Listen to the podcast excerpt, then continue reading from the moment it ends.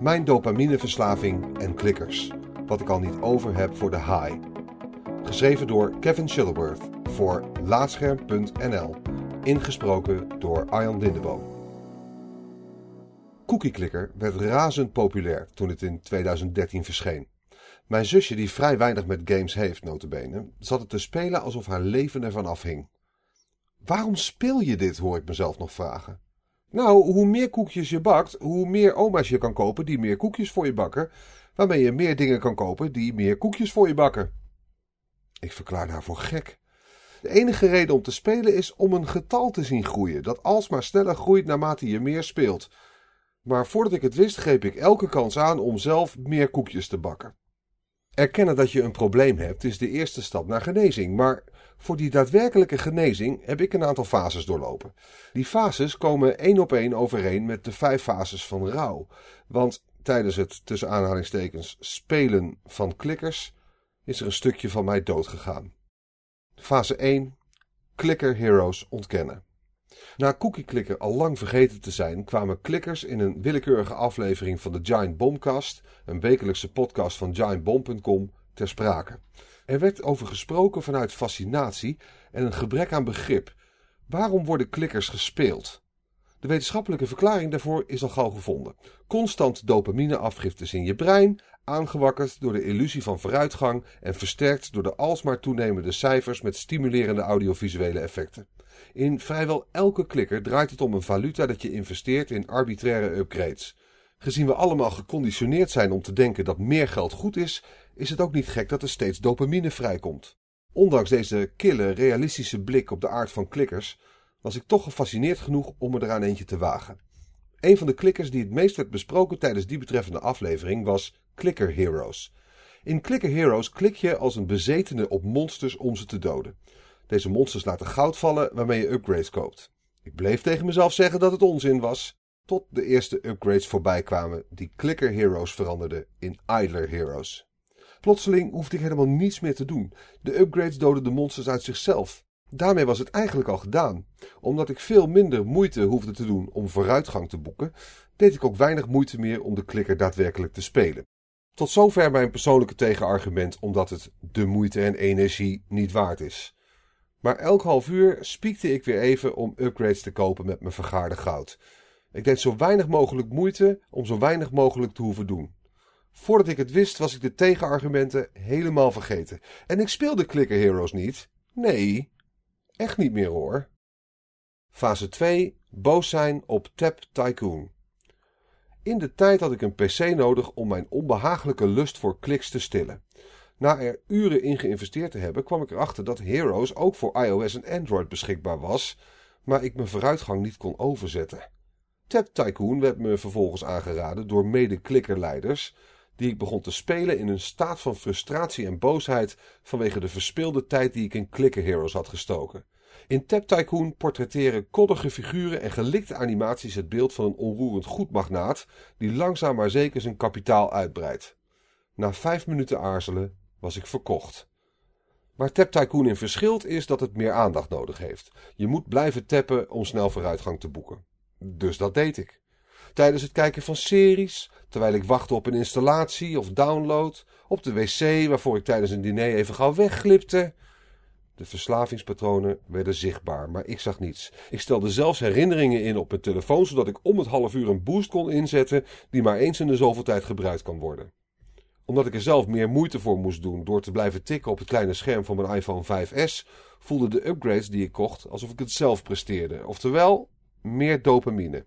Voor alle extra moeite die ik nam om vooruitgang te blijven boeken, ging het niet snel genoeg. In Clicker Heroes was ik al bekend met Prestigen. Al je vooruitgang te niet doen, maar bepaalde upgrades behouden. Zo kom je incrementeel sneller verder. Bij Tap Tycoon was het niet snel genoeg tot me doorgedrongen als onderdeel ervan, dus kwam ik er pas na enige tijd achter dat ik zonder prestiges niet veel verder zou komen.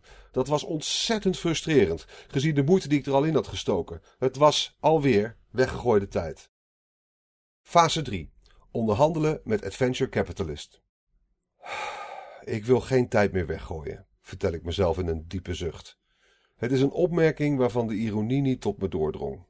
Tap Tycoon heb ik nog even gespeeld, maar na een paar prestiges voelde ik er niets meer voor.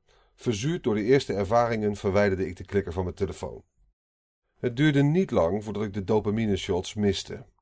Voor mijn werk was ik toen de tijd op zoek naar webgames ten behoeve van concurrentieonderzoek. Congregate kende ik daardoor al, als uitgever van webgames. Hierdoor kwam ik in aanraking met Adventure Capitalist, na Cookie Clicker wellicht de bekendste klikker. Adventure Capitalist is een stuk minder aantrekkelijk om te zien dan Tap Tycoon, maar het is een stuk efficiënter als idle clicker. Voor ik het wist, doorliep ik de bekende patronen en stelde ik elke vier uur een herinnering in op mijn telefoon. Elke vier uur kun je een advertentie bekijken die doorgaans een halve minuut duurt om je inkomsten de komende uren te verdubbelen. Elke minuut zonder die verdubbeling is uiteraard verspilling, dus moest ik wel. Na het Tap Tycoon incident was ik extra oplettend om er zeker van te zijn dat geen tijd meer verloren zou gaan. Dat is de eerste keer dat ik overwoog vals te spelen. In de iOS-versie van Adventure Capitalist kun je misbruik maken van de interne klok van je apparaat om de game te doen geloven dat er jaren en jaren zijn verstreken wanneer je de game weer opstart. Het resultaat? Heel veel poen. Fase 4. Depressief door Doomsday Clicker. Hierna was er gek genoeg geen donder meer aan Adventure Capitalist. Ik gaf het uiterlijk van de klikker de schuld, in plaats van dat ik erkende dat vals spelen het voor me verpestte. Zo kwam ik terecht bij Doomsday Clicker. Een klikker die nagenoeg hetzelfde doet als Adventure Capitalist, maar een stuk leuker vormgegeven. Vol nieuwe moed begon ik op mijn schermpje te tikken, vermoorde ik postapocalyptische zombies en kakkerlakken met mijn duim en vergaarde ik genoeg zilver en goud om overlevingsbunkers uit te breiden. Ook Doomsday Clicker heeft een advertentie-bonus-systeem, maar dit werkt als het rad van fortuin. Elke keer dat je een advertentie kijkt, mag je aan het rad draaien.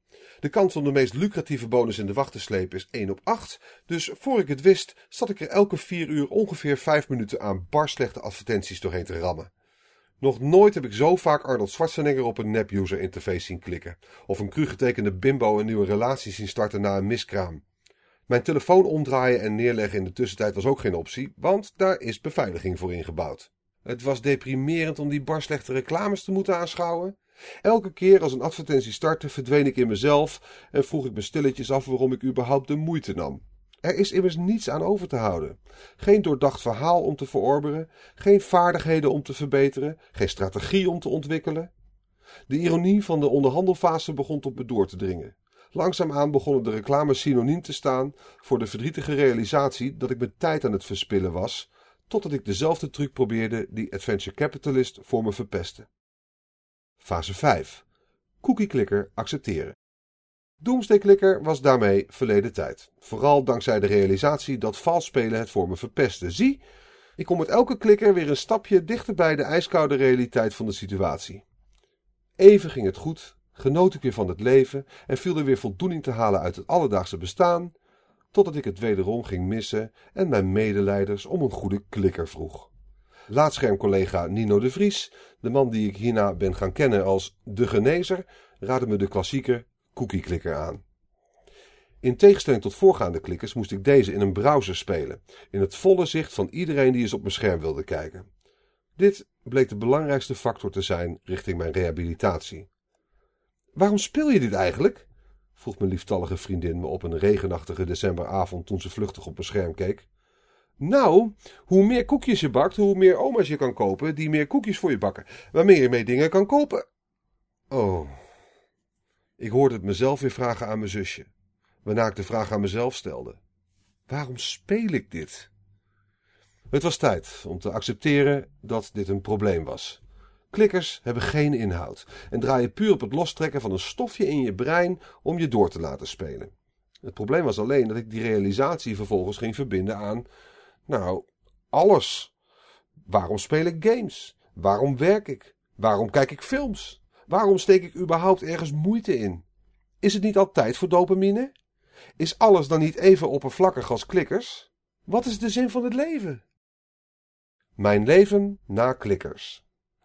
Mijn nieuwsgierigheid en levenslust kon ik even nergens meer uitputten. Totdat de Overwatch kerstupdate verscheen. Blizzard's razend populaire online multiplayer shooter speel ik al sinds het uitkwam in mei 2016, maar ik was er een beetje klaar mee tegen het einde van de zomer. Het tijdelijke in-game kerstmis-event zwiepte mijn vrienden op om weer te gaan spelen, waarna ze mij ook zover kregen om mee te doen.